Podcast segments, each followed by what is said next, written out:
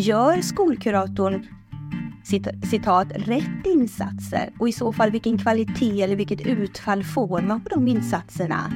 Så det, det skulle ju kunna vara ett sätt att liksom eh, hålla fast vid kärnuppdraget, att man systematiserar det på något vis. Men det vänder ju sig en del skolkuratorer helt emot för att man vill ha det här fria arenan att få styra sina arbetsuppgifter.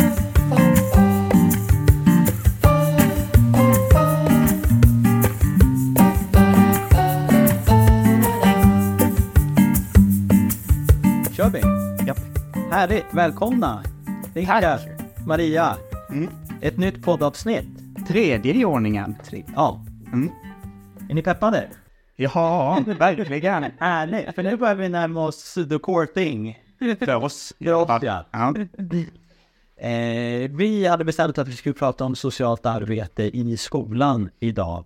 Det förra poddavsnittet så pratade vi mer om socialt arbete i det stora hela, vad vi hade för tankar om det. Mm. Eh, nu hade vi tänkt att vi skulle prata om socialt arbete i skolan. Inte mer specifikt. Eh, och eh, av olika anledningar som vi har tagit upp i de tidigare avsnitten så kanske det råder också våran erfarenhet att det råder eh, lite osäkerhet kring vad är socialt arbete i skolan egentligen? Sen får vi se om vi kan liksom komma till någon slags eh, eh,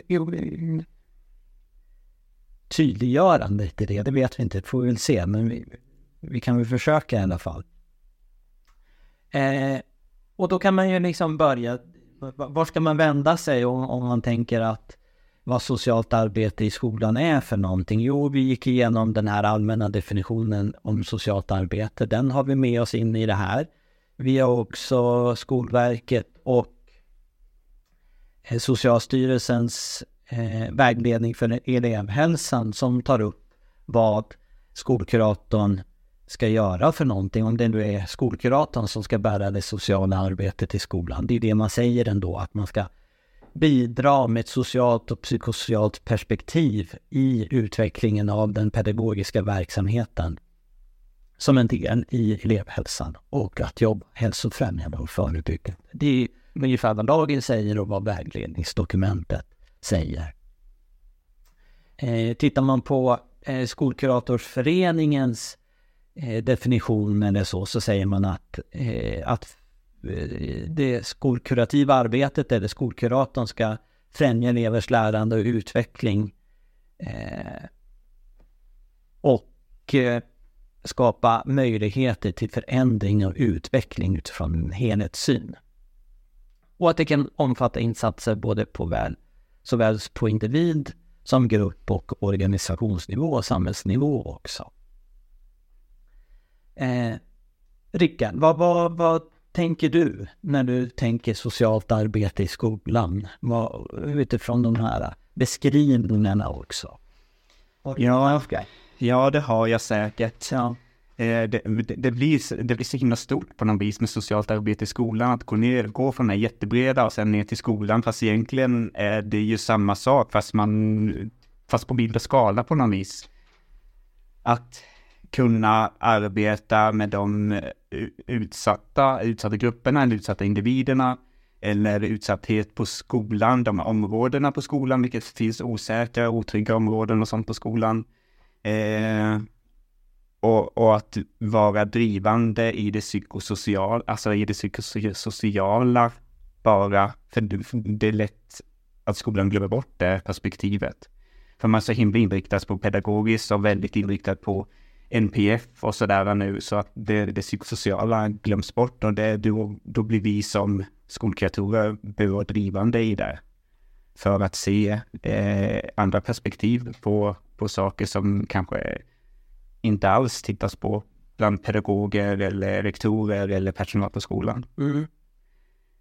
Um, men ja, och det, och, ja, och det blir väldigt brett och vi skolkuratorer ska ju hitta oss själva i det också, vad, vad, man själv har med sig och vad man själv tänker är skolkurativt arbete eller soci, socialt arbete. Eh, och jag, jag tänker att det blir väldigt olika. Bara i den gruppen som jag arbetar i nu så är vi fyra olika eh, kuratorer som har olika tänk och sådär. Men eh, ja, det, ja det, det är ganska svår fråga att svara på faktiskt. Men det är jätteintressant och det är jätteroligt att vi diskuterar det. Men, men är, när du säger så här, är socialt arbete i skolan, är det skolkuratorn som professionsuppgift eller finns det andra som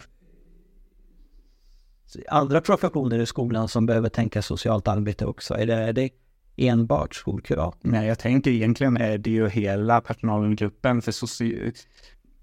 Ja, för man måste jobba inkluderande och jag tänker att det är socialt arbete att jobba inkluderande, att man ska kunna funka i en klass till exempel eller att man ska kunna komma till skolan.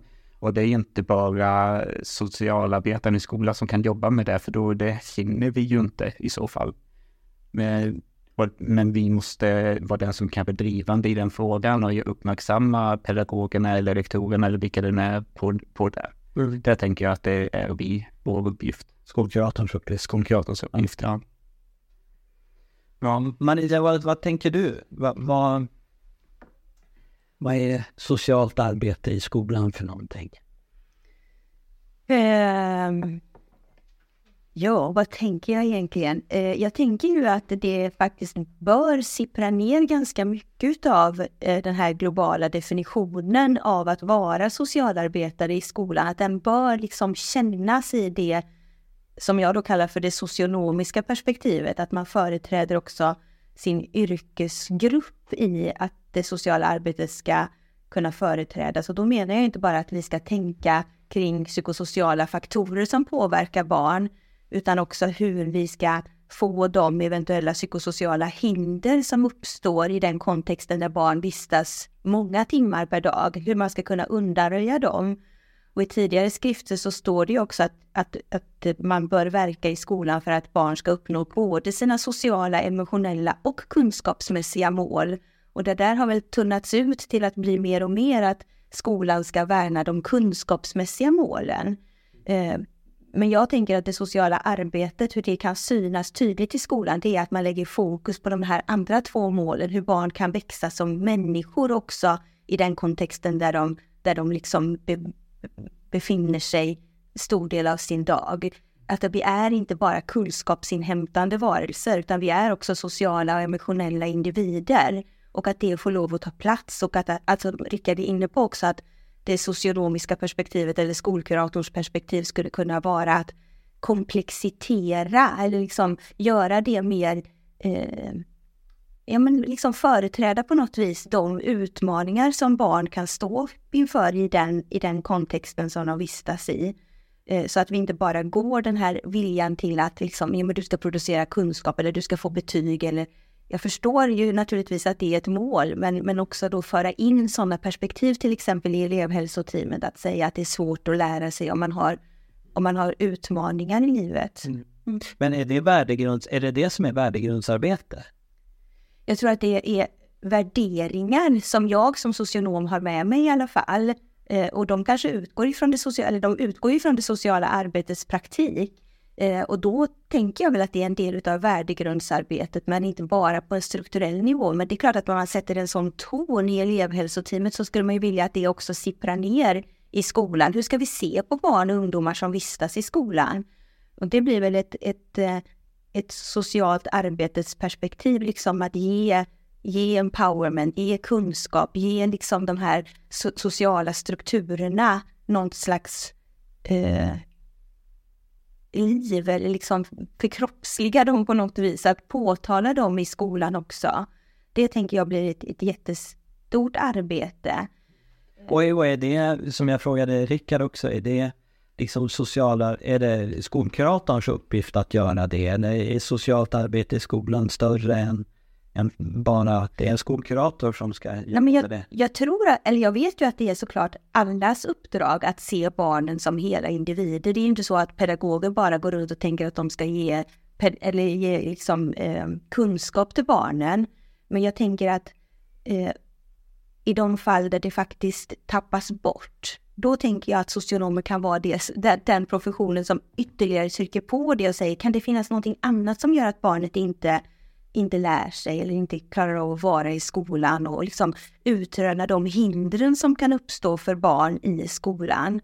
Eh, så jag tänker att vi har ett gemensamt arbete som, som skolenhet, som elevhälsa, men också det social, socionomiska eller sociala arbetet. Får ett liksom extra ton kring det. Men det som jag finner ju utmanande är ju att eh, det är ju hur det syns då i skolan. Det, det, liksom, det, det ramlar jag tillbaka på, att vi kan ha väldigt många föreskrifter eller liksom indikationer på att man kan föra det sociala arbetet eller ska föra in det sociala arbetet i skolan. Men det är ju hur, hur man möter lärare i det, hur man möter föräldrar i det, hur man möter barn i det och hur man, som du var inne på, rektorer och så, hur får man med sig folk på tåget att förstå det perspektivet? Det ser jag som en jättestor utmaning, att det finns lite plats för det i skolans värld. Mm. Alltså det är själva det praktiska arbetet, det är det du tänker? Ja, jag tror att alla liksom har accepterat att det ska finnas skolkuratorer, att det sociala arbetet ska bedrivas på skolan, men att det blir en utmaning i hur det ska utföras. Ja. Huvudet. Huvudet, ja. ja. Och att det också blir olikt. Och då kommer jag tillbaka till min, till min forskarposition mer också. Att Skolverket har gett eh, riktlinjer eller indikationer på att skolan ska vara mer evidensbaserad. Men då blir ju också huvudet, hur ska vi någonsin kunna mäta socialt arbete eller titta på socialt arbete? Vad är det man för in av socialt arbete? På skolenhetsnivå, i elevhälsan men också riktat till specifika barn. Om vi, om vi alla skolkuratorer gör arbetet väldigt olika. Alltså det, för mig finns det en inbyggd utmaning i det, att man inte heller kan granska eller eh, systematisera det på, no på något vis. Mm. Mm.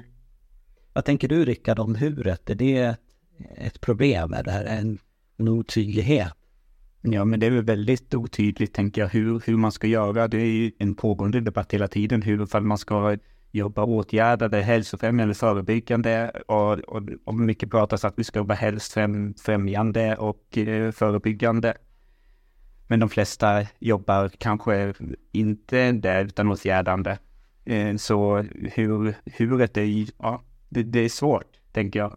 Ja. Vad, är det som blir svårt i det? Ja, men man, man kan ju typ få en typ av skam nästan, att man jobbar mer eh, vad heter det, åtgärdande när man vet att man ska jobba och, och det står i dokumentet att man ska jobba hälsofräm, hälsofrämjande och förebyggande och så jobbar man åtgärdande mm. mer. Och ja, och, ja det, det tänker jag blir svårt för det finns inte så jättemycket eh, jag vet inte, insatser eller typ, eller ja, vad, vad, vad, ska man göra i det hälsofrämjande och, och vad det är, vad är det och sånt där. Men det tänker jag att det kommer bli till något annat poddavsnitt. Men men det finns en otydlighet i det här hälsofrämjande, vad det är för någonting? Är det det du...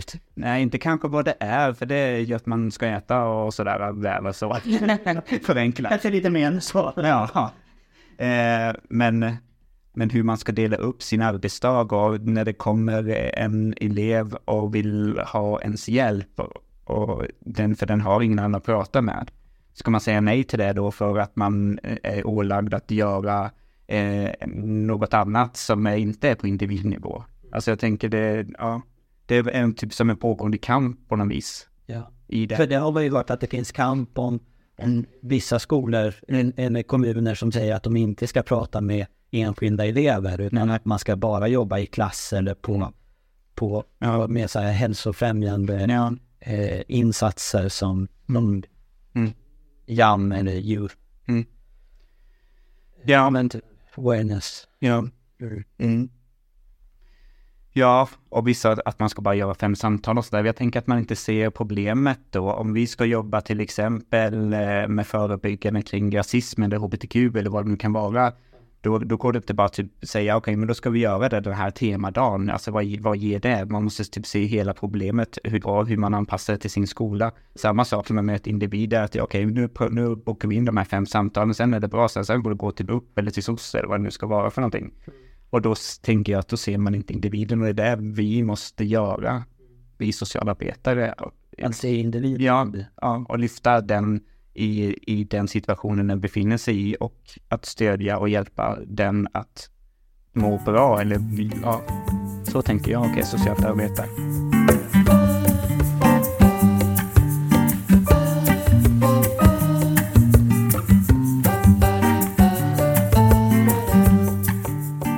Skiljer sig socialt arbete i skolan? Det kanske frågar till båda två. Skiljer sig socialt arbete i skolan från från socialt arbete i, i andra former? På sätt och vis inte. Vi, vi har, alltså det, det, är intressant för vi är typ, de flesta är socionomer som är eh, socialarbetare i skolan eller skolkuratorer, alla är väl inte det kanske. Och de flesta kuratorer på BUP till exempel, eller socionomer, de flesta socialsekreterare, socionomer, vi har typ samma grundutbildning samtidigt så så jobbar vi med helt olika saker och kan tycka och tänka om varandra fast egentligen kan vi göra samma arbete. Och det, det, jag tänker att det blir problematiskt. Eh, för vi ska egentligen kunna göra samma saker fast man tycker att andra ska göra saker, eh, insatser och sådär. Mm. Eh, fast vi är likadant skolade. Sen har vi väl vidareutbildning och sånt där också, men som är olika. Men i grunden är vi ju socialarbetare. Ja. Så att då menar du att socialt arbete borde se, ske på samma sätt oavsett vart det är någonstans, om det är på BUP eller på socialtjänsten eller kriminalvården eller skolan? Nej, det tänker jag inte. Det, nej, det, det, det måste skilja sig åt, man gör på olika sätt.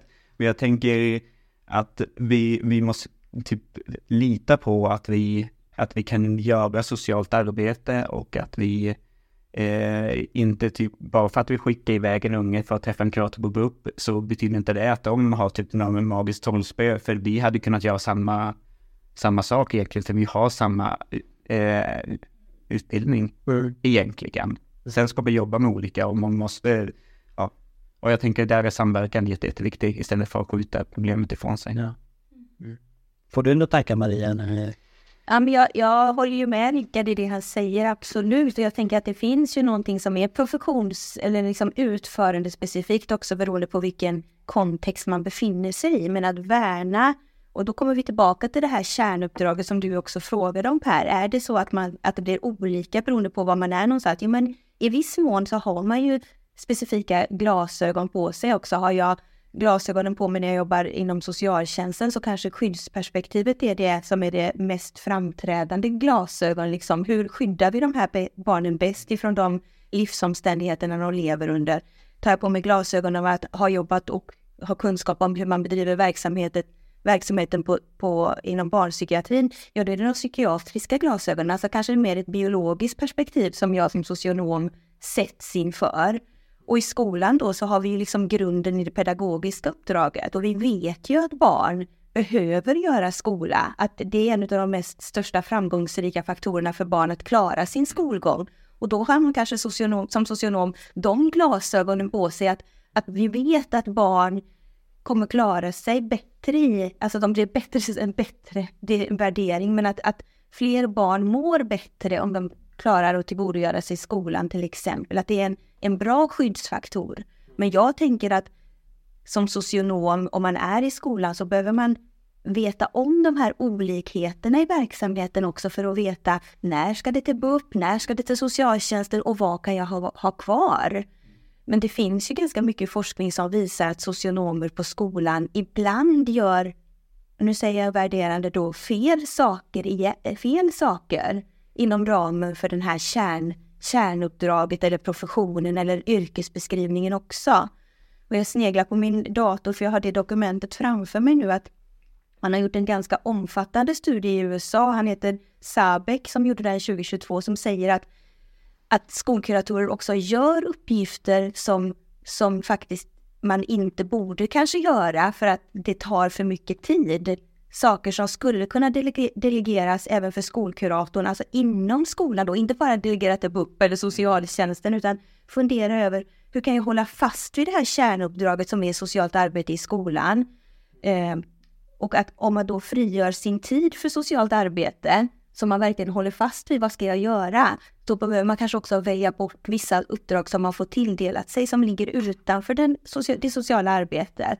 Och det visade ju också, SSR kom ju ut med, eller akademiken kom ju ut med en, en, en liten eh, artikel väldigt nyligen här, där man också då har låtit Novus göra en undersökning om vad skolkuratorerna gör för saker som ligger utanför. Och då, då, då, nämner de ju i den här att de här extra arbetsuppgifterna, att man är rastvakt, lunchvakt, extra resurser i klassrummet, lär, lärarvikarie, provvakt, sekreterare, i hemundervisning för hemmasittare och vara assistent åt rektor.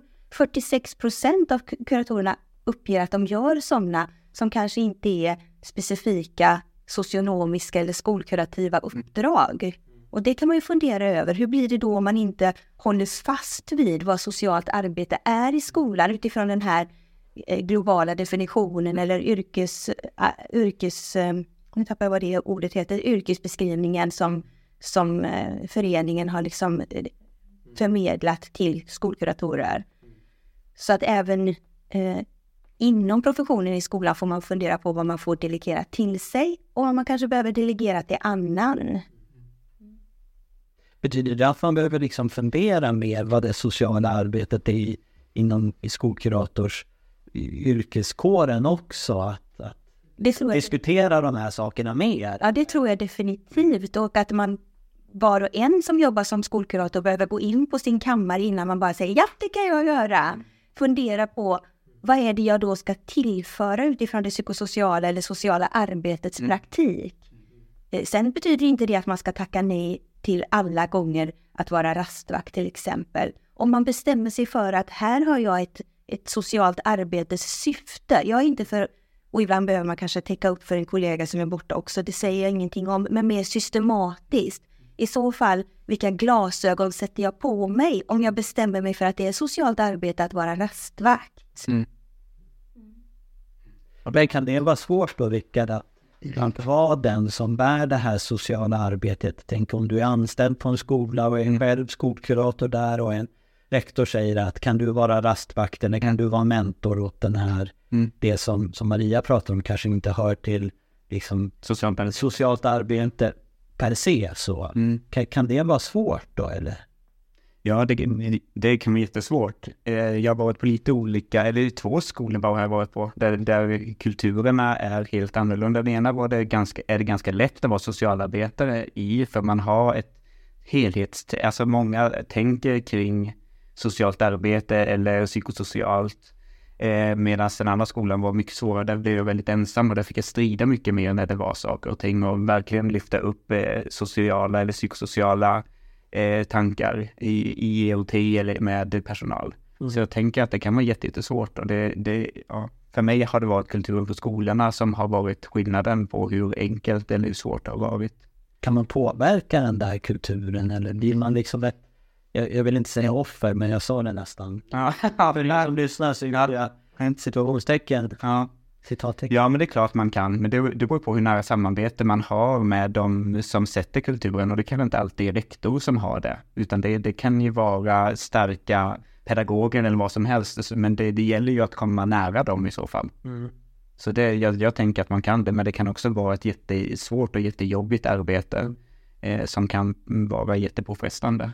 Är det svårare att göra socialt arbete på, på skolan? Du har ju jobbat till socialtjänst tidigare. Mm på andra ställen? Är det svårare att göra socialt arbete i skolan? Eh, jag tycker faktiskt att det kanske är lättare att göra socialt arbete i skolan för man, eh, man jag i alla fall bestämmer mycket själv vad jag gör för någonting av min tid. Ja. Sen har jag såklart inbokade saker som jag måste göra och vara med på IoT och typ massa sådana saker. Jag, jag tycker det på något vis har varit lättare än i socialtjänst åtminstone. Men vad, vad är det som gör att det är lättare säger du? Att det... för, för jag väljer, jag, jag väljer med min tid. Mm. Att, jag, att det inte är typ proppfullt, kanske alltid, speciellt inte i början, början av terminen eller läsåret så är det inte så fullt min kalender än. Mm. Då, då har jag mycket tid där jag kan göra socialt arbete eller ja. Så det, det, det tänker jag. Sen, sen kan det vara perioder där det är väldigt mycket och då kanske man inte hinner reflektera så mycket. Då kör man bara. Och, det, och då menar du att den där liksom utrymmet för dig själv fanns mm. inte på socialtjänsten i samma sätt. Nej. Utan där var du tvungen att anpassa det till... Ja, ja, det fick man förhålla sig att man har de här fyra månader per utredning och man har 20, 30, 40 ärenden som man måste underhålla och sådär. Alltså det, det, det fanns ju inte den tiden där. Så det, det blir en jättestor skillnad. Men ja, men jag tänker mycket, mycket på kulturen på skolorna är eh, avgörande tänker jag.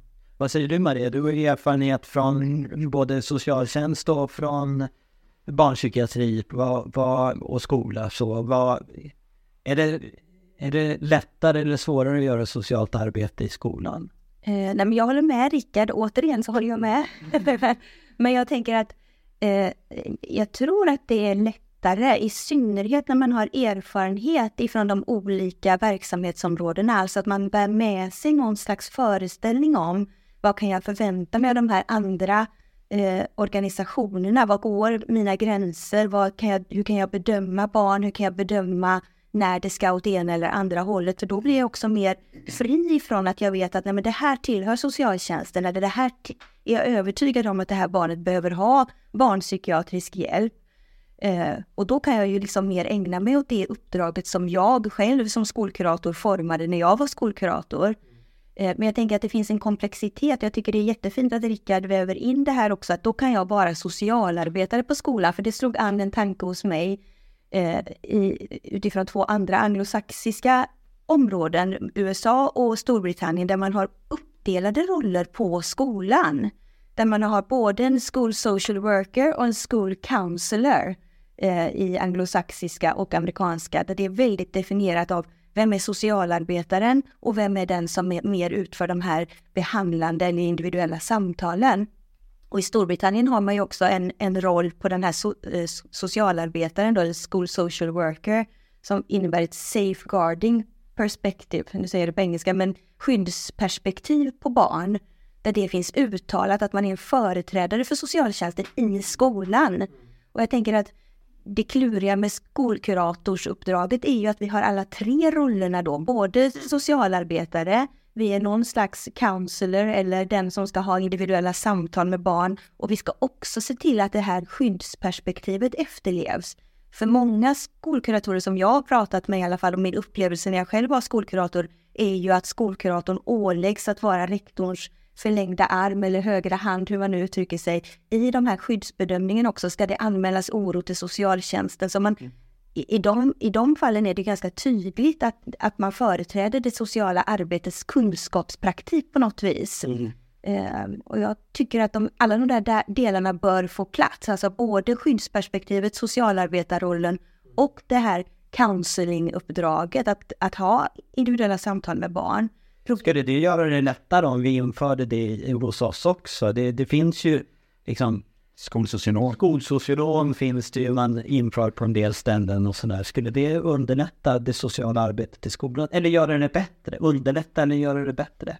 Alltså jag tror att det verkligen i alla fall skulle förtydliga uppdraget. Problemet är ju, och Rickard var inne på det också, att det skulle ju frånta socionomerna eller skolkuratorerna sin sin autonomi lite grann, att få bestämma vad man vill hitta på för någonting med barnen, förstår ni? Och hitta på, då är det också någon slags situationstecken, för det är inte så att man bara hittar på. Men det skulle ju snäva åt uppdraget och kanske också, eh, och nu kommer jag med sånt där jättetråkigt ord igen, men kvalitetssäkra vad faktiskt man ska värna om för någonting, är ni med? Och då skulle man också kunna bedöma, gör skolkuratorn citat, rätt insatser och i så fall vilken kvalitet eller vilket utfall får man på de insatserna? Så det, det skulle ju kunna vara ett sätt att liksom eh, hålla fast vid kärnuppdraget, att man systematiserar det på något vis. Men det vänder ju sig en del skolkuratorer helt emot för att man vill ha det här fria arenan att få styra sina arbetsuppgifter. Så att mm. det finns nog inget enkelt svar. Jag tror inte att det är bra att lägga läskpapper rakt på en amerikansk eller en Storbritanniens kontext i Sverige, för vi har våra förutsättningar. Men jag tror på något vis att man behöver problematisera kring vad rollen är. Vad är skolsocialt arbete i Sverige och varför har man valt den här modellen? Mm. Mm. Ja, det innehåller många klurigheter i, i eh, i det sociala arbetet i skolan har vi både handlingsutrymme och, och vad är socialt arbete i stort och hur kan man liksom förstå det i en, en skolkontext också. Och vi får väl anledning att återkomma längre fram i, i andra poddavsnitt om aspekter av det där också, både i eh, kanske handlingsutrymme och vad hälsofrämjande arbete är. Någonting.